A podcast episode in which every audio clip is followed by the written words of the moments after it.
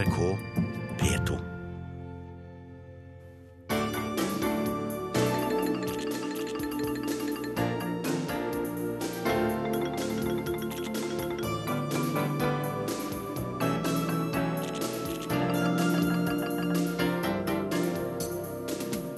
Mange drept i kjempedemonstrasjonene i Egypt i natt. Fortsatt kaotisk i Kairo.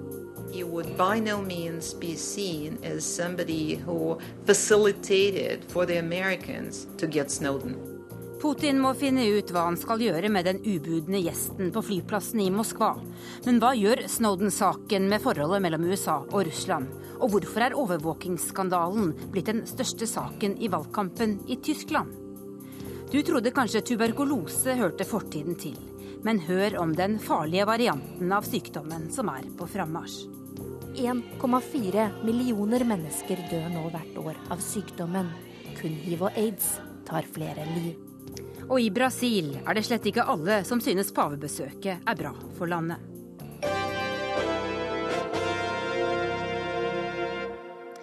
Velkommen til Verden på lørdag, hvor vi også skal til et Santiago de Compostela i sorg. Her i studio sitter Tove Bjørgaas.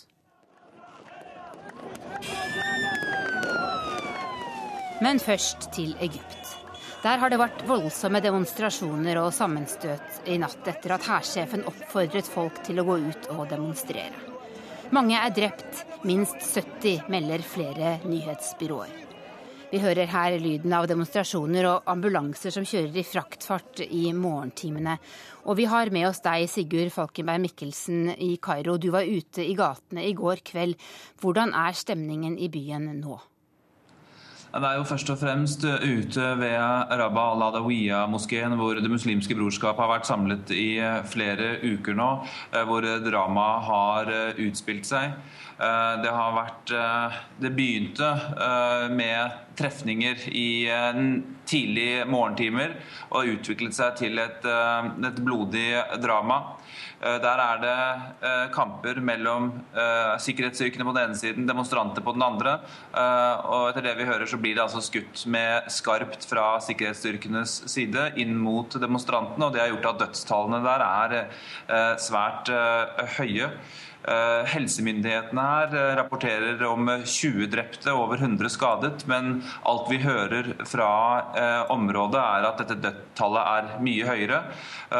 Nyhetsbyrået Reuters sier f.eks. at de har talt 40 lik der ute, og andre nyhetsbyråer rapporterer også mye høyere dødstall. Og Brorskapet sier at hæren, sikkerhetsstyrkene, skyter for å drepe.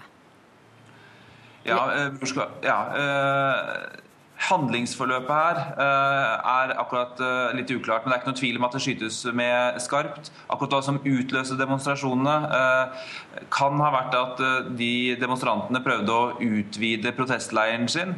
Det kan også ha sammenheng med, at, med gårsdagens demonstrasjoner. Det var jo et voldsomt oppmøte i sentrum av byen til støtte for hæren. Og det store spørsmålet nå er jo om dette er en del av en plan om å rydde dette området.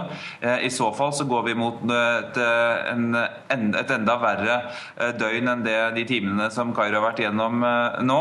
Eller om dette er et resultat av spenninger lokalt i området som har vært veldig høye. Og i hvert fall det vi hører nå er at hæren ikke er direkte involvert. At det er sikkerhetsstyrkene og politiet som står for, står for voldsutgytelsen på, på myndighetenes side. Helt kort til slutt, Sigurd. Hva venter du skjer utover dagen nå? Jeg tror at dette kan bli, fort bli verre. Jeg tror at Egypt er nå et så splittet land at det er veldig mange sår her som ikke kommer til å gro på lang tid. Takk for at du kunne være med oss. Vi får selvfølgelig høre mer til deg i andre sendinger utover dagen. Vi skal videre til en annen stor sak denne uka, togulykken i Spania. Den spanske togkonduktøren må trolig møte i retten i dag etter at han i går kveld nektet å forklare seg for politiet. Konduktøren har tidligere fortalt at han kjørte for fort. Mens etterforskningen pågår, planlegges nå de første begravelsene. Og vår nye europakorrespondent Åse Marit Befring har sendt oss denne reportasjen.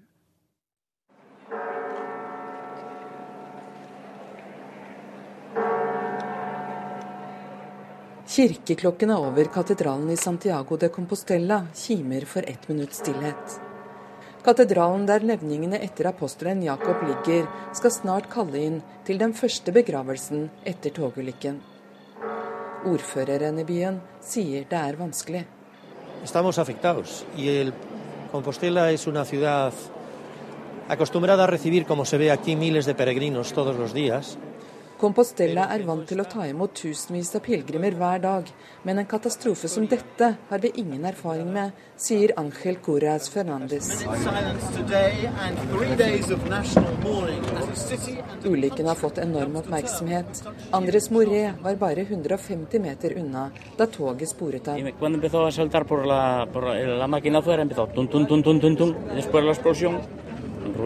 Jeg hørte et voldsomt smell. Jeg løp ned for å hjelpe, forteller han. Han kommer aldri til å glemme det han så.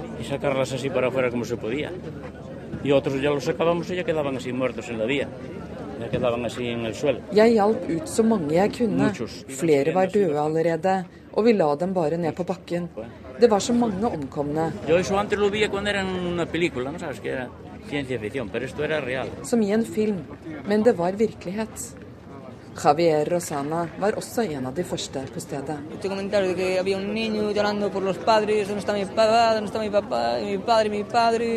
Et barn gråt etter faren sin. Pappa, pappa, ropte han. Det er en enorm tragedie. Politiet etterforsker nå om togføreren kan stilles ansvarlig for uaktsomt drap. Han har innrømmet for stor fart, men skal ifølge spanske aviser ha sagt at han forsøkte å bremse. To etterforskninger er satt i gang. De vil kartlegge om det var menneskelig svikt alene.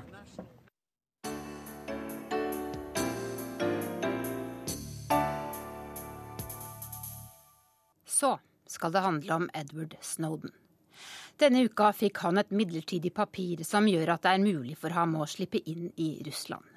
Men den nå verdensberømte varsleren blir på flyplassen i Moskva inntil videre, mens amerikanerne gjør alt de kan for å hindre at russerne gir ham oppholdstillatelse.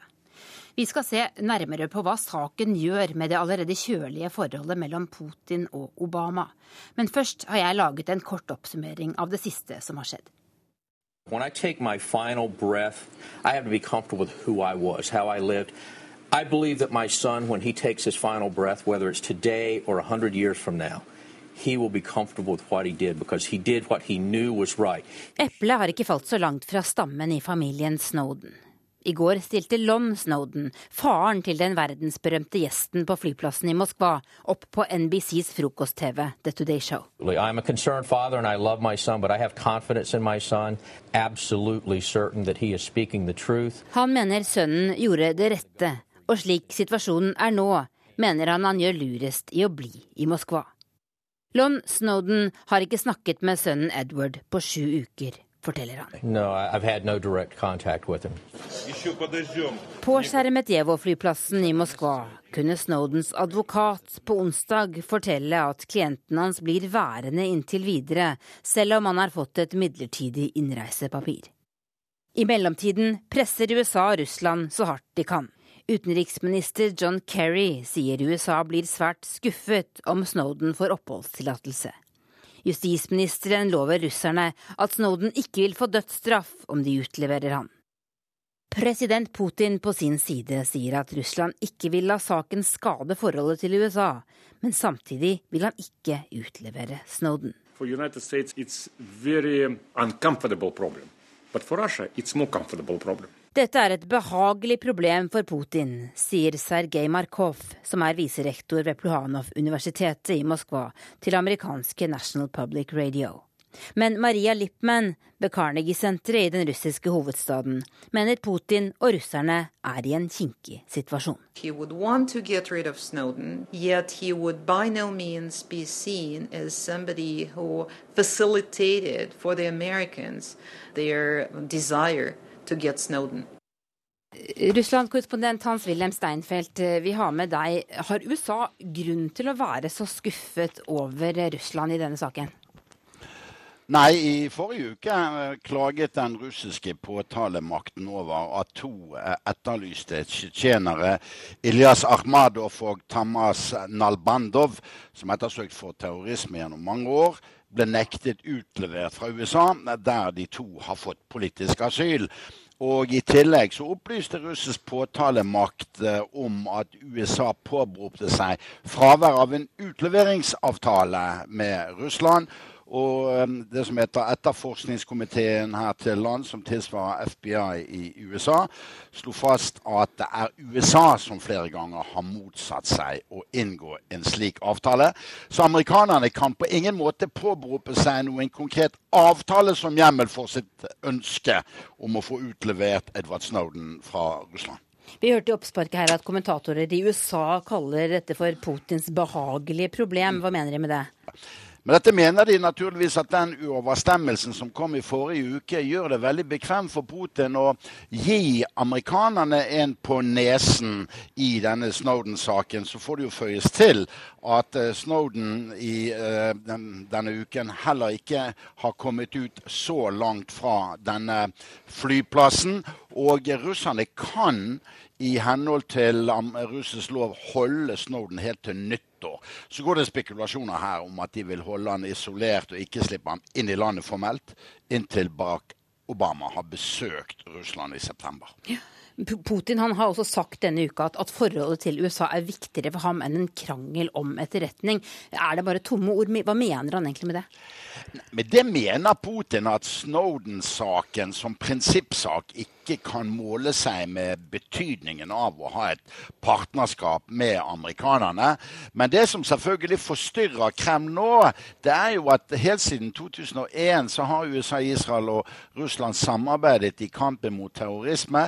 Og når to tsjetsjenere ettersøkt for terrorisme da får politisk asyl i USA, så er det klart at noe veldig stort tillitsforhold bilateralt mellom USA og Russland er det ikke for tiden. Vi har også med oss deg, utenrikskommentator Gro Holm, eh, som snart reiser til Washington som NRKs eh, nye korrespondent. Hvor dårlig vil du si forholdet mellom USA og Russland er etter det som har skjedd eh, i Snowden-saken? Ja, Snowden-saken har bidratt til et forhold som allerede er kjølig. Eh, de to presidentene har jo ingen god personkjemi, det har vi sett på fjernsynsbilder. Eh, I tillegg så er det jo slik at ingen av dem har så mye handlefrihet i forhold til egne velgere når det gjelder å kunne kompromisse i en sak det, som denne, og det gjelder kanskje særlig den amerikanske presidenten. Eh, han sliter med en republikansk dominert kongress, og for få dager siden så stemte et flertall i Kongressen mot å legge begrensninger på de nasjonale nasjonale sikkerhetsmyndighetenes mulighet for å overvåke borgere i eget land. Så så der vet han i hvert fall hvor han har eh, sin kongress. Mange kommentatorer mener at dette forholdet nå er på frysepunktet. Og det var altså på bedringens vei da Medvedev var president. Eh, er du enig i en sånn karakteristikk? Eh, ja, det er i hvert fall veldig kjølig. Og eh, hvis jeg skal trekke fram to saker, så er den siste er, eh, er en sak hvor Russland har forbudt å adoptere russiske barn til USA. Som svar på at USA nektet innreise for folk som hadde noe som helst med en kriminalsak i Russland å gjøre. Det var en sak hvor en advokat ble funnet drept i fengsel. En advokat som var i ferd med å avsløre omfattende offentlig korrupsjon. Og amerikanske myndigheter mistenker at at her er han tatt av dage av folk som har kontakt med myndighetene. Eh, den andre saken som er større eh, og kanskje viktigere, det er eh, spørsmålet om rakettskjoldet. Hvordan det fremtidige rakettskjoldet til USA og Nato skal se ut i Europa. Og der mener russerne at USA har gått mye lenger enn det de opprinnelig fortalte dem da det var snakk om en restart av forholdet. At USA egentlig ønsker å bygge opp et skjold som er slik at det også kan skyte ned langtrekkende russiske våpen, og dermed fjerner enhver avskrekkingsevne for det russiske rakettforsvaret. USA prøver nå å true Russland og si at, eh, altså advare dem mot å gi eh, Snowden visum. Er, det, er de i stand til å true Russland slik som forholdet er i dag? Nei, De lever snarere i to litt forskjellige verdener. Eh, Putin ser jo veldig stor grad eh, østover til Kina og sørover til India. Eh, og Snowden-saken bidrar til at det ikke skjer noe positivt i forholdet, og at ting kanskje går tregere. Men de to landene har jo f.eks. ikke noen veldig store økonomiske forbindelser utover akkurat det at det er amerikanske selskaper som driver i oljesektoren i, i Russland. Det er viktig nok, men, men det er ikke slik at det er store amerikanske investeringer som står på spill i Russland, eller vice versa russiske investeringer i USA. Hvis jeg kan spørre dere begge til slutt, til høsten er det altså G8-møte i, i, Moskva. Hva, hva tror du Steinfeld vil skje der? Kommer det til å bli et møte mellom Putin og Obama? Ja, altså Når det gjelder den økonomiske siden, som G8 primært er bekymret for, så er jo også russerne eh, bevisst at nå begynner krisen fra vest å slå inn over dem selv. Eh, de eh, var jo inne på dette under finansministrenes formøte fra G8-gruppen her i Moskva nå i juli. Og dette med at markedet ikke må forvelte stabiliteten, er nok et felles syn som Russland f.eks. deler med EU. Og det er klart at skulle Obama komme her, så blir det tosidige samtaler mellom Barack Obama og Vladimir Putin. Det sier seg selv. Men eh, det er jo veldig få her i Russland som mener at Obama har lykkes lykkes med å resette PC-en i forhold til Russland, som han skrøt av da han tiltrådte. Og eh, igjen, eh, det virker ikke som eh, amerikanerne har særlig forståelse for at Russland har svære problemer, også innenrikspolitisk, og at dette eh, ligger som et bakteppe. For jeg også minne om at den største militærøvelsen etter Sovjetunionen brøt sammen, holdt russerne nå i juli, men det gjorde de på grensen mot Kina. Ikke sant. Eh, Grohan, hva tror du i fremtida? Ja, ja, de kommer til å møtes, og de kommer til å snakke som statsledere gjør, ikke sant? om eh, de viktige internasjonale problemene. Men jeg tror ikke det fører noe, noe særlig sted hen i noen av de temaene som opptar eh, begge to mest. Enten det dreier seg om økonomi eller, eller menneskerettigheter. Vi skal flytte oss til Tyskland, der Snowdens avsløringer faktisk er blitt den viktigste saken i valgkampen. For hvor tett er egentlig samarbeidet mellom tysk og amerikansk etterretning? Det er et stort spørsmål der. Og denne uken ble Edward Snowden tildelt en viktig tysk utmerkelse for sine avsløringer. Kandidat nummer én, Barack Hussein Obama aus Honolulu. Et humorprogram i tysk TV kårer vinneren av den store overvåkningsprisen og USAs president Barack Obama er en sterk kandidat med millioner av registrerte telefonsamtaler, e-postmeldinger og SMS-er i Tyskland hver måned, ifølge programlederen. Det går an å le av overvåkningssaken som de siste ukene har dominert nyhetsbildet her i Tyskland. Men de fleste tyskere er først og fremst skuffet og sinte over at en gammel venn og alliert som USA driver en slik virksomhet. Og for Hans Christian Strøbele, medlem av komiteen for de hemmelige tjenestene i den tyske forbundsdagen, er kravet klart. Oppgaven til bundesregjeringen er es definitiv Regjeringens oppgave er å få et klart svar fra den amerikanske etterretningsorganisasjonen NSA på følgende spørsmål. Hva driver dere med her i Tyskland? Hvor mange medarbeidere har dere? Og er det riktig at dere overvåker tyske borgere uten rettslig grunnlag? Etter det varsleren Edward Snowden har dokumentert, har det skjedd klare brudd på tysk lov når det gjelder personvern, og det er selvsagt fullstendig uakseptabelt, sier den folkevalgte. NSA, das steht für National Security Agency, Den amerikanske overvåkningen har rystet Tyskland de siste ukene. Ifølge ukemagasinet Der Spiegel og andre tyske medier blir 500 millioner telefon- og internettforbindelser avlyttet her i landet hver måned. Tyskland skal være det landet i Europa som blir hyppigst overvåket av amerikansk etterretning, fordi noen av de viktigste knutepunktene for internasjonal internettrafikk ligger her i landet. Dette har dramatiske følger, sier professor Otto Jeckel i den tyske advokatforening. Jeg tror det er momentan niemanden i Deutschland, der sich jeg tror ikke det er noen her i Tyskland som ikke nå tenker seg om før de sender en e-mail. Hvem andre enn mottakeren kan komme til å lese den? Hvilke konsekvenser kan det få? Og når man åpner en webside, spør man seg hvem registrerer dette? blir det laget en profil av meg ut fra hvilke politiske temaer jeg viser interesse for. Og for alle som driver forretning, er det selvsagt naturlig å frykte for industrispionasje når det skjer en slik omfattende tapping og registrering av data, sier professoren. Mine damer og herrer, siden 1999 Berlin denne uka. En jury bestående av tyske vitenskapsfolk, advokater og representanter for åpenhetsorganisasjonen Transparency International deler ut den prestisjetunge Varslerprisen, som går til en person som har gjort samfunnet en tjeneste ved å avsløre hemmeligheter hun eller han har fått tilgang til gjennom sitt arbeide. Og årets vinner var lett å finne, sier professor Otto Jeckel i den tyske advokatforening. Herr Snowden ist praktisch der geborene Kandidat nach den Kriterien, die wir auch in der Vergangenheit Edward Snowden er nærmest den fødte kandidat ut fra de kriterier vi har brukt for å kåre tidligere vinnere. Snowden har, uten å tenke på egen fordel, avslørt ekstremt kritikkverdige forhold. Han har gjort mennesker over hele verden en tjeneste, og vi i juryen for varslerprisen mener det er en skam at han blir forfulgt av USA som en stor kriminell, og at ingen vesteuropeiske land ønsker å beskytte ham, sier advokaten. Frihet Det er ingen tilfeldighet at nettopp tyskerne reagerer så sterkt på USAs overvåkning. Mange har erfaringene med den østtyske sikkerhetstjenesten Stasi i friskt minne.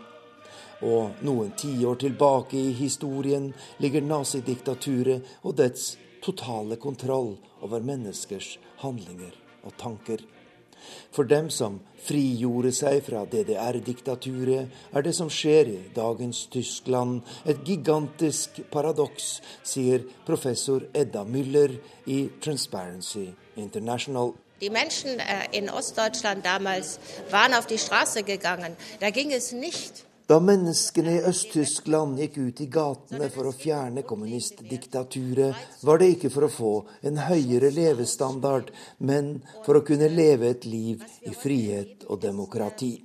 At nettopp disse menneskene nå igjen opplever en storebror som ser og hører det de foretar seg, er noe av det mest tragiske med den amerikanske spionasjeskandalen her i Tyskland, sier professor Edda Müller i Transparency International.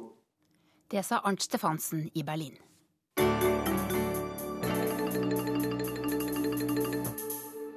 Brasil nå. Dit dro pave Frans på sin første store utenlandsreise denne uka. Men han ble møtt med både protester og hyllest. For misnøye med stigende priser og megaeventer som pavebesøket har preget landet den siste tida.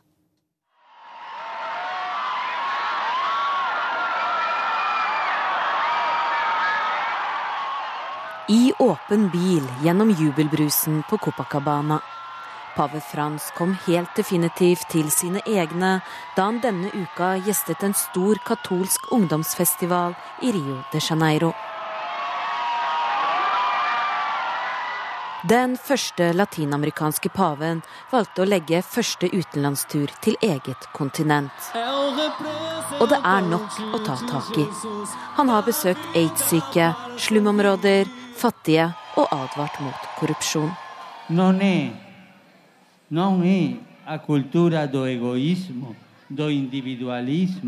che frecuentemente regula a nostra sociedade, aquella que costruisce e conduce a un mondo mais habitabile. Non è. Egoisme og individualisme er ofte det som råder i samfunnet vårt. Men det gjør ikke verden til et bedre sted. Vi bør heller være solidariske, se hverandre som brødre og søstre istedenfor som konkurrenter, sa paven. Kloke ord til tross. Ikke alle har hilst pave Frans like velkommen. Denne uka har det også vært store demonstrasjoner mot besøket. Folket er lei av dyre arrangementer på bekostning av offentlige tjenester. Store pengesummer er allerede gått med til fotball-VM og OL. Nå kommer pavebesøket i tillegg.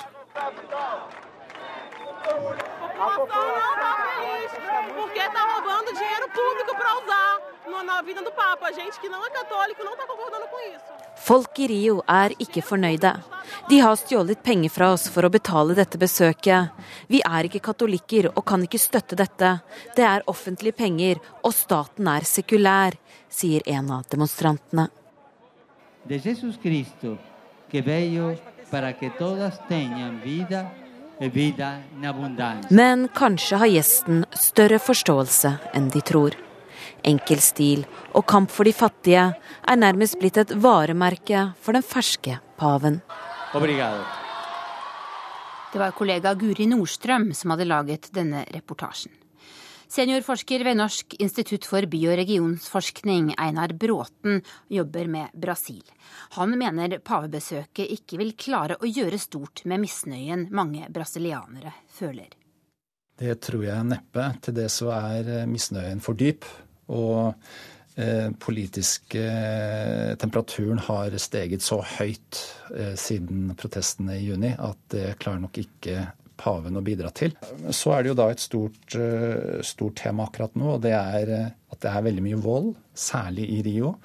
Spørsmålet er om det er politiet som fremprovoserer dette, eller om det da er noe mer eller mindre anarkistiske elementer. Men det er klart at akkurat voldselementet er jo noe som kirken og paven kommer til å, å fordømme veldig skarpt. Men frustrasjonen mange føler nå handler om, eh, om det som har skjedd med, med, med Brasil, som har blitt et dyrere eh, land å bo i, også et land som forandrer seg veldig raskt. Hva er det folk er mest misfornøyde med? Ja, altså, Pavebesøket går jo inn i den rekken av såkalte megaeventer som eh, Rio de Janeiro satser på som sitt varemerke, internasjonale varemerke med fotball-VM neste år og OL 2016. Og her er jo da reaksjonen at med så store, stor sosial nød og store uløste offentlige oppgaver, og så er det jo en galskap å bruke så mye offentlige penger på disse megaventene. Og det er også et argument at, eh, og da særlig fra den liberale eh, yngre middelklassen, som jo har vært de som har vært mest ute i gatene, de er vel de også som er mest skeptisk til religionens makt i, i, i samfunnet og i Brasil. Og det er mange eksempler, bl.a.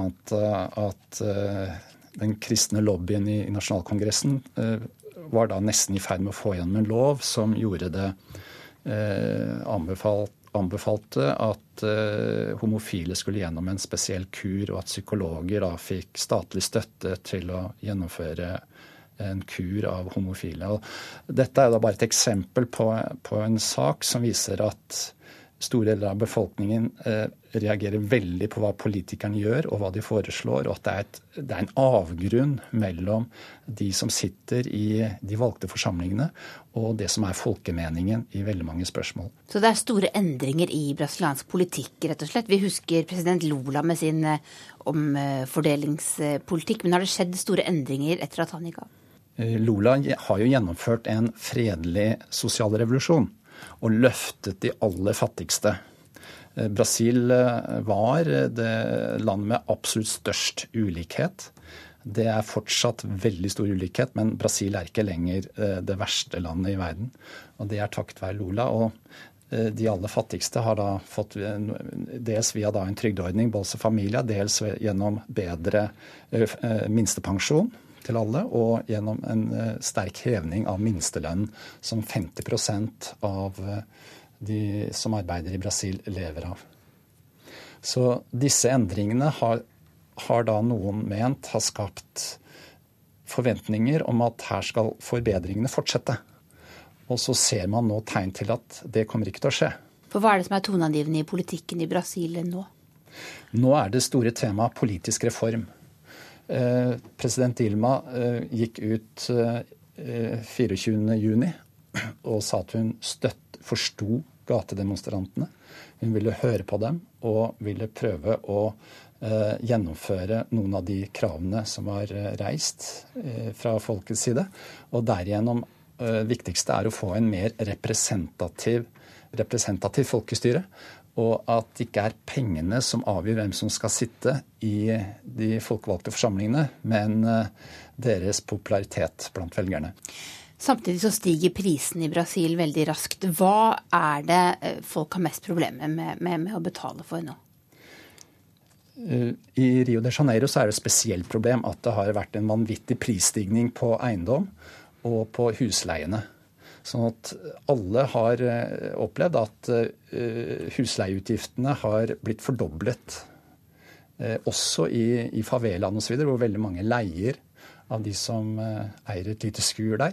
De har også opplevd denne fordoblingen av husleie, husleien. Så så det er én ting. Og en har også da reagert på f.eks. at uh, offentlig transporten, som er veldig, veldig dårlig, stadig blir dyrere. Og det var jo på en måte et slags spisskrav i juni. Uh, kravet om at det skulle bli billigere og helst gratis å reise med offentlig kollektivtransport.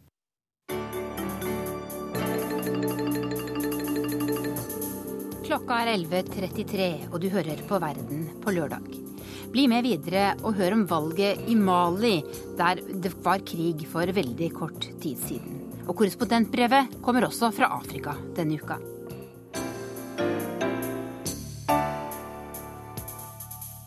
Men nå skal det handle om tuberkulose. Det er den sykdommen som tar flest liv i verden etter hiv og aids. Likevel hører vi sjelden om den, fordi mange tror den tilhører fortiden. Men det at vi i Vesten slo oss i ro Unnskyld. Men det at vi i Vesten slo oss til ro etter at, at BCG-vaksinen kom, har ført til at vi i dag står foran en enda større eh, tuberkulosetrussel. For nå øker forekomsten av den resistente varianten av tuberkulose. Og for de verste finnes det ingen kur.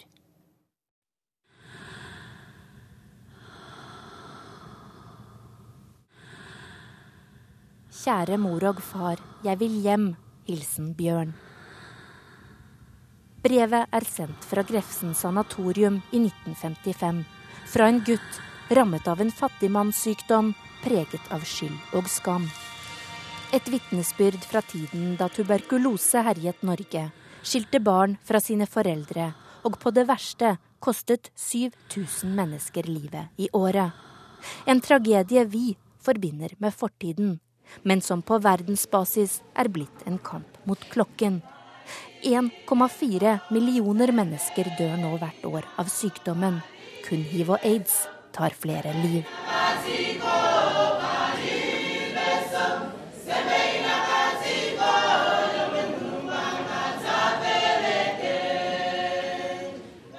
Vi er i utkanten av Malawis hovedstad Lilongwe, det er søndag, og kirken er fylt til randen. På første rad sitter 53 år gamle Mara Banda, men sånn har det ikke alltid vært.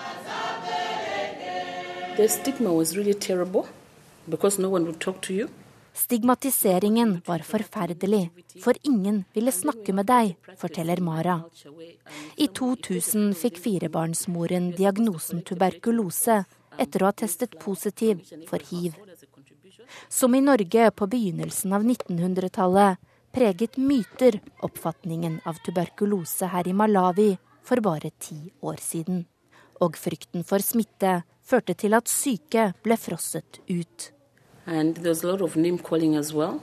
Like what? Clothes hanger, walking corpse, and all kinds of other um, demeaning names. And then um, The major challenge was that no one was talking about these issues. They'd stigmatize somebody without really knowing exactly what, why they're stigmatizing them.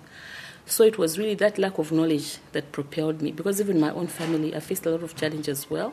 Mara ble kalt kleshenger og et vandrende lik, men det var mangelen på kunnskap som opprørte henne. For da hun ble syk, var Malawi et av de hardest rammede landene sør for Sahara, både når det gjelder tuberkulose og hiv. Flere tusen mennesker døde av sykdommene hvert år. Det var så ille at vi gikk i opptil ti begravelser om dagen.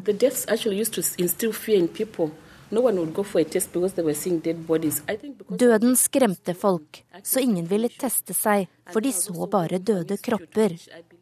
I kirken var det liten forståelse for epidemien som herjet.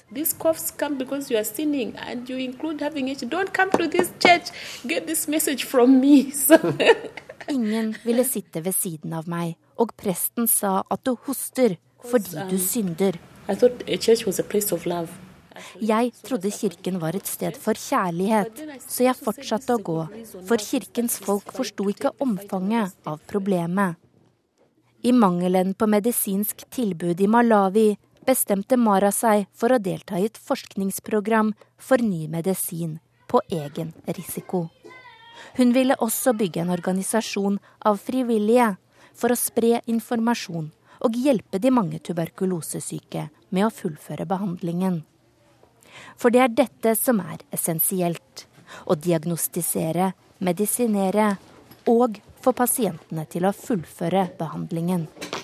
I sin enkleste form kan bakterien kureres med en seks til åtte måneder lang antibiotikakur. Men avbrytes medisineringen, kan bakterien vokse seg sterkere og ta ny form, og det er nettopp det som har skjedd. Smittes man av bakteriene som er motstandsdyktige mot de vanligste medikamentene, såkalt MDR-TB, tar hestekuren to år. MDR-TB er ikke like normal tuberculosis. I was resistant to seven drugs. I can remember moments during treatment and thinking, I can't do this anymore. I don't know that I'll make it through this. Natalie Skipper fra Tennessee overlevde sykdommen, men får man de ekstremt resistente bakteriene i kroppen, finnes det ingen kur. I land som USA, Storbritannia, Russland, India og Sør-Afrika er den resistente varianten nå kun et host unna. Ekspertene har for lengst slått alarm. One of the problems that we face every day is that many people or many, many decision makers and funders in rich countries think that TB has actually vanished. Et av problemene vi møter hver dag, er at beslutningstakere i rike land tror at tuberkulose har forsvunnet, sier Nils Billo, som leder Den internasjonale unionen for bekjempelse av tuberkulose og lungesykdom i Paris. Årsaken er at 95% av dem som dør av tuberkulose, befinner seg i utviklingsland.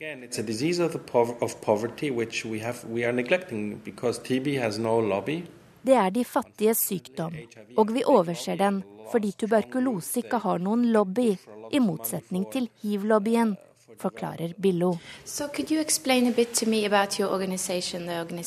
Hans union ble opprettet i 1920 og jobber i over 70 land for å bekjempe tuberkulose. Men selv om de har gjort store fremskritt, frykter de nå at en MDR-TB-epidemi kan ta knekken på hele samfunn, og ikke minst spre seg til resten av verden.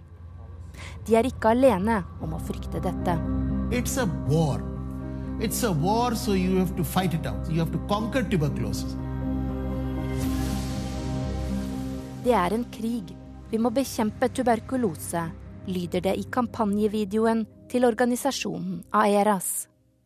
Her til lands har BCG-vaksinen vært viktig i forebygging av tuberkulose, men det få er klar over, er at vaksinen ikke lenger er noen garanti mot sykdommen. Well, what happened with TB is um, a little bit about the fact that we got complacent with the science and all bacteria evolve. I mean, TB is not unlike many of the other drug resistant bacteria in the world that we struggle with. Det som skjedde med tuberkulose, er at vi slo oss til ro med forskningen. Men alle bakterier utvikler seg, også tuberkulose, forteller Kari Støver ved Aeras i Washington. What is Aeras? Eris is a nonprofit biotech that is advancing TB vaccines for the world. We work primarily by finding where the best vaccine science is in the world.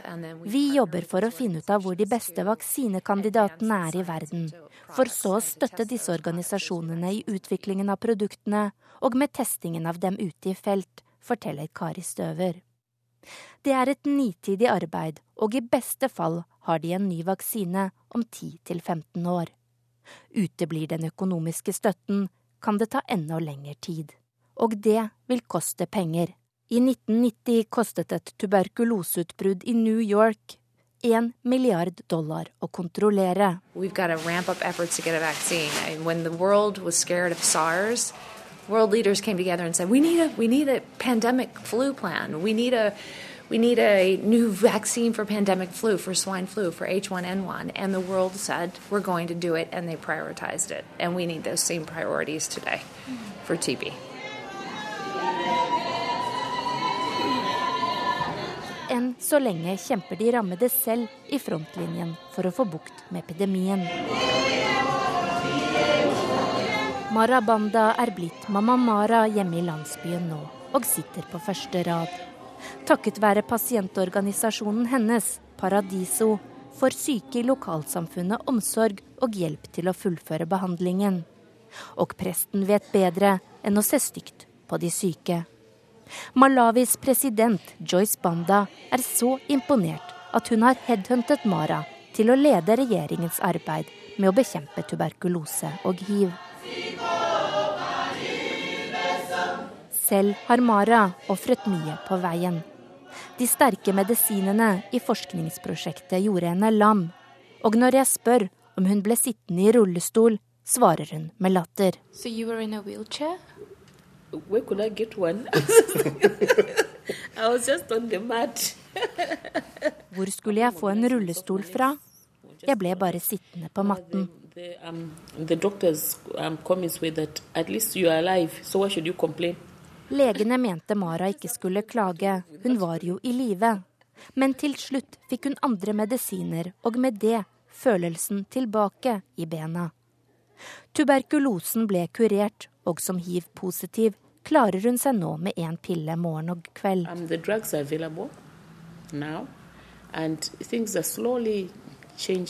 Samfunnet jobber hardt for å holde multiresistent tuberkulose på avstand. Men noen få tilfeller har begynt å melde seg.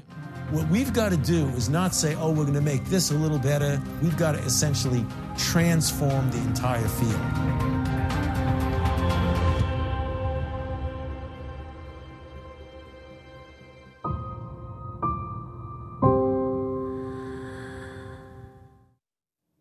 Kollega Charlotte Bergløff hadde vært i Malawi.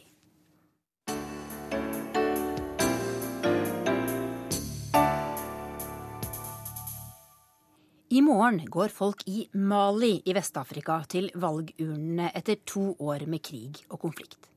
Det er bare to uker siden hæren klarte å få kontroll over hele landet på nytt. Vestlige land har presset på for å få gjennomført et valg raskest mulig.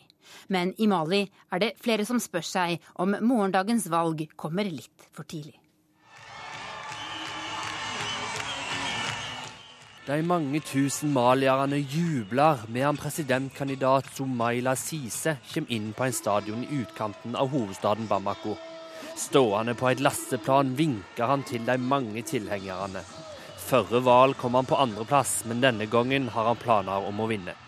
Men han er virkelig ikke alene om å ville vinne. På ulike nettsamfunn blir det fort klart at også maliske politikere tyr til moderne virkemiddel i kampen om folkets røyster.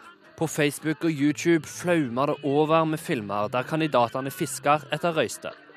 Den største favoritten til å vinne presidentvalget, Ibrahim Bobaka Keita, tyr til tradisjonell malisk musikk for å fenge velgerne.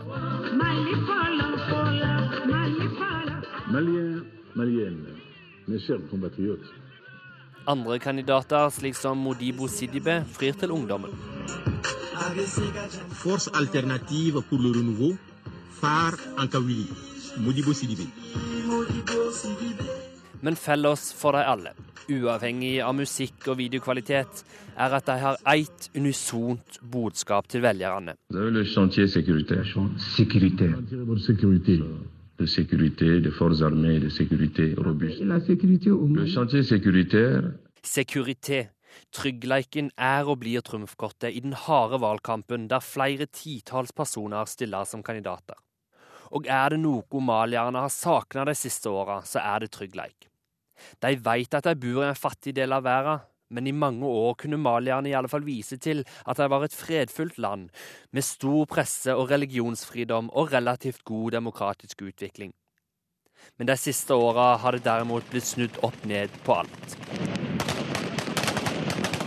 Religiøse og etniske konflikter har delt landet i to. En dårlig utstyrt hær ble knust i biter av krigere fra tuareg-stammen og islamistiske grupper. Og da tapet var et faktum, gjennomførte like godt deler av hæren et statskupp. Siden den gang har Mali vært uten en folkevalgt leder. Og fram til for to uker siden hadde ikke den maliske hær kontroll over hele landet. Men valg skal det bli. Selv med mange tusen interne flyktninger og mange tusen maliere boende i flyktningleirer i nabolandet, skal valget gjennomføres. Uh, uh, Amerikansk lov hindrer USA i å gi den maliske hær assistanse inntil det er satt i stand en ny demokratisk valgt regjering, sa den amerikanske juristen Chris Coons i februar. Og tonen har vært den samme hos de fleste vestlige aktørene. De synes det er vanskelig å samarbeide med en regjering som ikke er valgt av det maliske folk, og derfor har tidspresset vært stort på å få gjennomført et valg. Mange mener et urettvist og udemokratisk valg er prisen en må betale for hastverket. Dette valget betyr mye for oss maliere. Men om vi ikke engang kan få røyst i valget, så blir jeg virkelig uroa, sier Talato Halahi, som er fra Mali, men som bor i flyktningleiren Mangesi i Niger. Han er en av de mange tusen som fremdeles ikke vet om de kan få røyste. Det er helt åpenbart at valgene ikke blir perfekte. Det, det vet alle, og det sier alle. Eh, men på den andre siden så kan man altså ikke fortsette med en regjering som ikke har den handlekraft og den legitimitet den må ha for å gripe fatt i utfordringer som vi alle erkjenner er viktige. Hvor, hvordan finner du balansepunktet mellom disse to hensynene? Eh, nå har man altså valgt å ha valgene nå, relativt raskt. Eh, og så får vi bare håpe at det går bra. Det sier Kai Eide, som er Utenriksdepartementets spesialutsending til Sahel. Norge ga vi meg 40 millioner kroner til valggjennomføring i Mali, og Eide mener pengestøtte er viktig for å få til et presidentvalg som ikke bare vil tjene Mali, men også nabolandene, og på lengre sikt også Europa. Og Det er utvilsomt et viktig valg. Det er viktig for hele det internasjonale samfunn. Man opererer her i en, eh, en, en bredere region med betydelig ustabilitet. Det er en ustabilitet som kan berøre ikke bare denne regionen, men også ha en spillover-effekt, som det heter, eh, inn på europeisk territorium. Valgkampen i Mali vil holde på utover natta, fram til folk i morgen kan gå til valgurnene. Men det kan ta tid å få på plass en president. Meningsmålinger viser at ingen av de 27 kandidatene vil få mer enn 50% oppslutning, noe som er nødsynt for å få en avgjørelse. Og derfor kan det dryge helt til 11. august før en ny, folkevalgt president endelig er på plass igjen i Mali. Vegard Kjørom hadde laget denne reportasjen. Vi skal holde oss i Afrika, for derfra kommer også ukens korrespondentbrev. Lars Sigurd Sunnanå har sendt oss det fra sitt eget nabolag i Nairobi. Svinestien kaller jeg passasjen, vel vitende at ordet strengt tatt betyr en inngjerding for griser. Daglig går jeg gjennom den til kontoret her i Nairobi. Den er en snarvei og ikke lenger enn 150 meter. Det flyter med søppel i svinestien. Stanken kan være stram når for mange har slått lens i buskene som kranser den, og i regnværsperioder når søla langt opp på gummistøvlene mine. Men svinestien sparer meg for så mange minutter til og fra kontoret at jeg har latt det stå til i de tre årene jeg har hatt jobben som Afrikakorrespondent i Kenya. Jeg har riktignok pleid å se meg godt for før jeg begitt meg gjennom passasjen, og jeg har aldri brukt den etter mørkets frembrudd. Der råber jeg ingen trygg by for en hvit mann eller kvinne. Ikke for en svart afrikaner heller. Jeg har akkurat kommet tilbake fra en reportasjereis til Sør-Afrika og Nelson Mandelas 95-årsdag, når Paul, en av portvaktene i leilighetskomplekset mitt, forteller meg hva som er skjedd i Svinestien bare noen få dager tidligere. Der litt før klokken åtte om morgenen etter at det var blitt lyst, hadde to unge kenyanere fulgt etter og ranet en svart kontordame, som var på vei gjennom passasjen til det samme forretningsbygget som huser NRKs utsendte. Overfallet var brutalt, hun måtte på sykehuset etterpå, og den ene av ranerne hadde løpt av sted med mobiltelefonen og vesken hennes. Dessverre for ham løp han feil vei. Han stormet ut av Svinestien og nedover mot mitt leilighetskompleks, bare 250 meter unna. Men før han kom så langt, måtte han forbi den godt bevoktede inngangen til Kenyas mest populære kommersielle fjernsynsstasjon, Citizen Television, og en av stasjonens vaktmenn lot ham ikke passere ustraffet. Et velplassert kølleslag i hodet på ham sendte synderen blødende i bakken. Der lå han fortumlet og gispende til luft i påvente av neste akt i det folkelige rettsoppgjøret. Og den er som regel kort og dødelig i Kenya, også i mitt nabolag. Overfallet av kontordamen var sett av arbeidere på et nytt forretningsbygg, som skyter i været rett ved siden av svinestien. Og de la omgående hammer og spiker, sand og sement og mursleiver til side. I fullt firsprang kom de nå for å hente inn og gi overfallsmannen den lærepengen han fortjente. De hadde med seg et utrangert bildekk. Det tredde de over ham. Og så ble det, som skikken er i slike tilfeller, sendt bud på bensin for å sette fyr på ungdommen. Det var i siste liten at min portvakt Pål, som hørte oppstyret, fikk løpt til, vist frem kortet sitt fra vaktselskapet og overtalt den illsinte folkemengden, den var blitt stor etter hvert, til å avstå fra opptenningen. Blodig og skikkelig skamslått allerede ble ungdommen transportert til nærmeste politistasjon i stedet. Jeg reddet nok livet hans, forteller Pål meg. Egentlig var det ingen overraskende historie jeg ble fortalt. Så å si hver dag leser jeg i avisen om tjuvradder, voldtektsmenn og andre lovbrytere som er blitt lynsjet på direkten etter at de har falt i hendene på rasende naboer og landsbybefolkninger, som enten har vært vitne til oppdaget eller som har hørt hva som har foregått av kriminelle handlinger. Det blir likevel litt annerledes, jeg må innrømme det, når et slikt drama utspiller seg så å si rett utenfor stuedøren min mens jeg er i Sør-Afrika, og at ranene skjer i selve svinestien, der jeg frem til nå ikke har følt meg særlig nervøs når jeg har vært på vei gjennom den. Men se opp for en motorsykkel med tre ungdommer oppå, sier Pål. De har gjennomført en rekke ran i området vårt i det siste. Et av dem, får jeg høre, rammet et norsk ektepar for et par uker siden. De hadde vært i Nairobi i lengre tid og fulgt myndighetenes regelverk for å få en liten adoptert sønn med seg hjem til Norge fra et barnehjem i nærheten av meg. De hadde en femåring fra før. De hadde han med seg til Kenya. Og da alle fire ruslet rolig gatelangs i solskinnet i nærheten av barnehjemmet, da kom motorsykkelen. Hvert av de to små barna fikk rettet en pistol mot tinningen. For foreldrene var det bare å gi fra seg det de hadde av verdi. Mobiltelefoner, penger, pass og kredittkort. Før de tre på motorsykkelen var fornøyd med utbyttet og forsvant rundt et gatehjørne. For all del, de fleste steder i Nairobi er det gjennomgående rimelig trygt å gå på gaten så lenge det er lyst. Men det er en kjent sak at flere av de store internasjonale hjelpeorganisasjonene som har sine kontorer her, fraråder, noen til og med forbyr av sikkerhetsgrunner, sine ikke-kenyanske medarbeidere å gå fra sted til sted, uansett når på døgnet det er. De skal enten kjøre selv eller kjøres.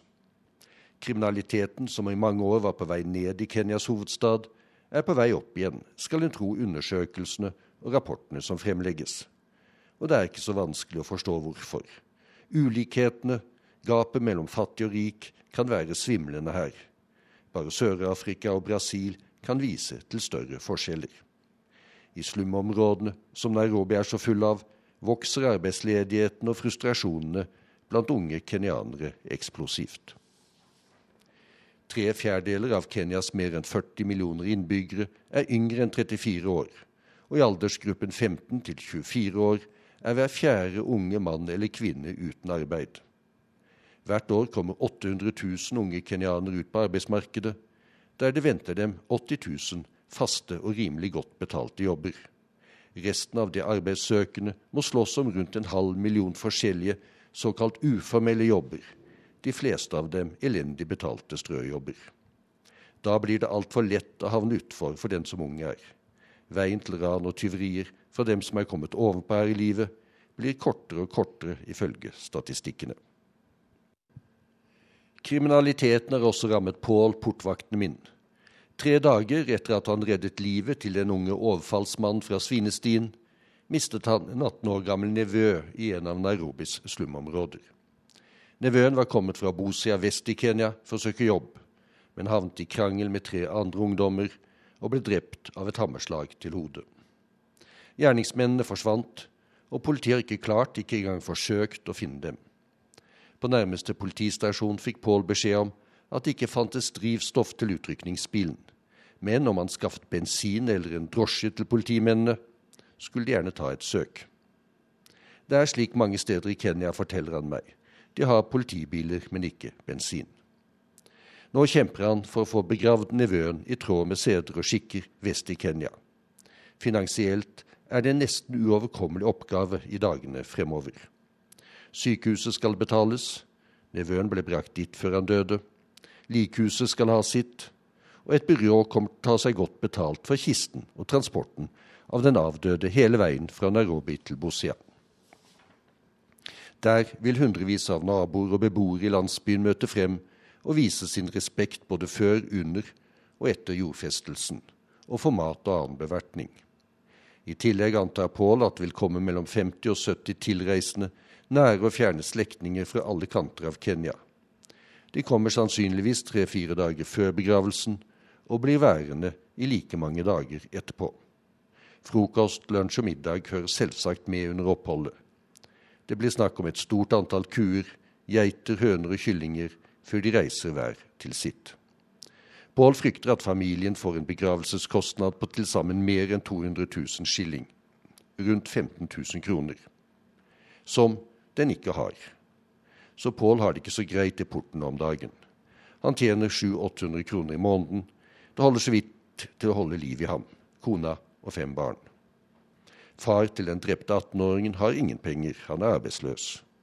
Og det er umulig å vite hvor mye som vil bli skrapt sammen på lån og forskjellig slags kronerulling blant slekta, naboene og vennene i landsbyen vest i Kenya i dagene som kommer. Hverdagen kan være brutal på mer enn én måte i Kenya. Det sa Afrikakorrespondent Lars Sigurd Sunne nå. Verden på lørdag er ved veis ende. Ansvarlig for sendingen var Lisbeth Sellereite og Elise Øygarden. Og her i studio ønsker Tove Bjørgaas fortsatt god helg.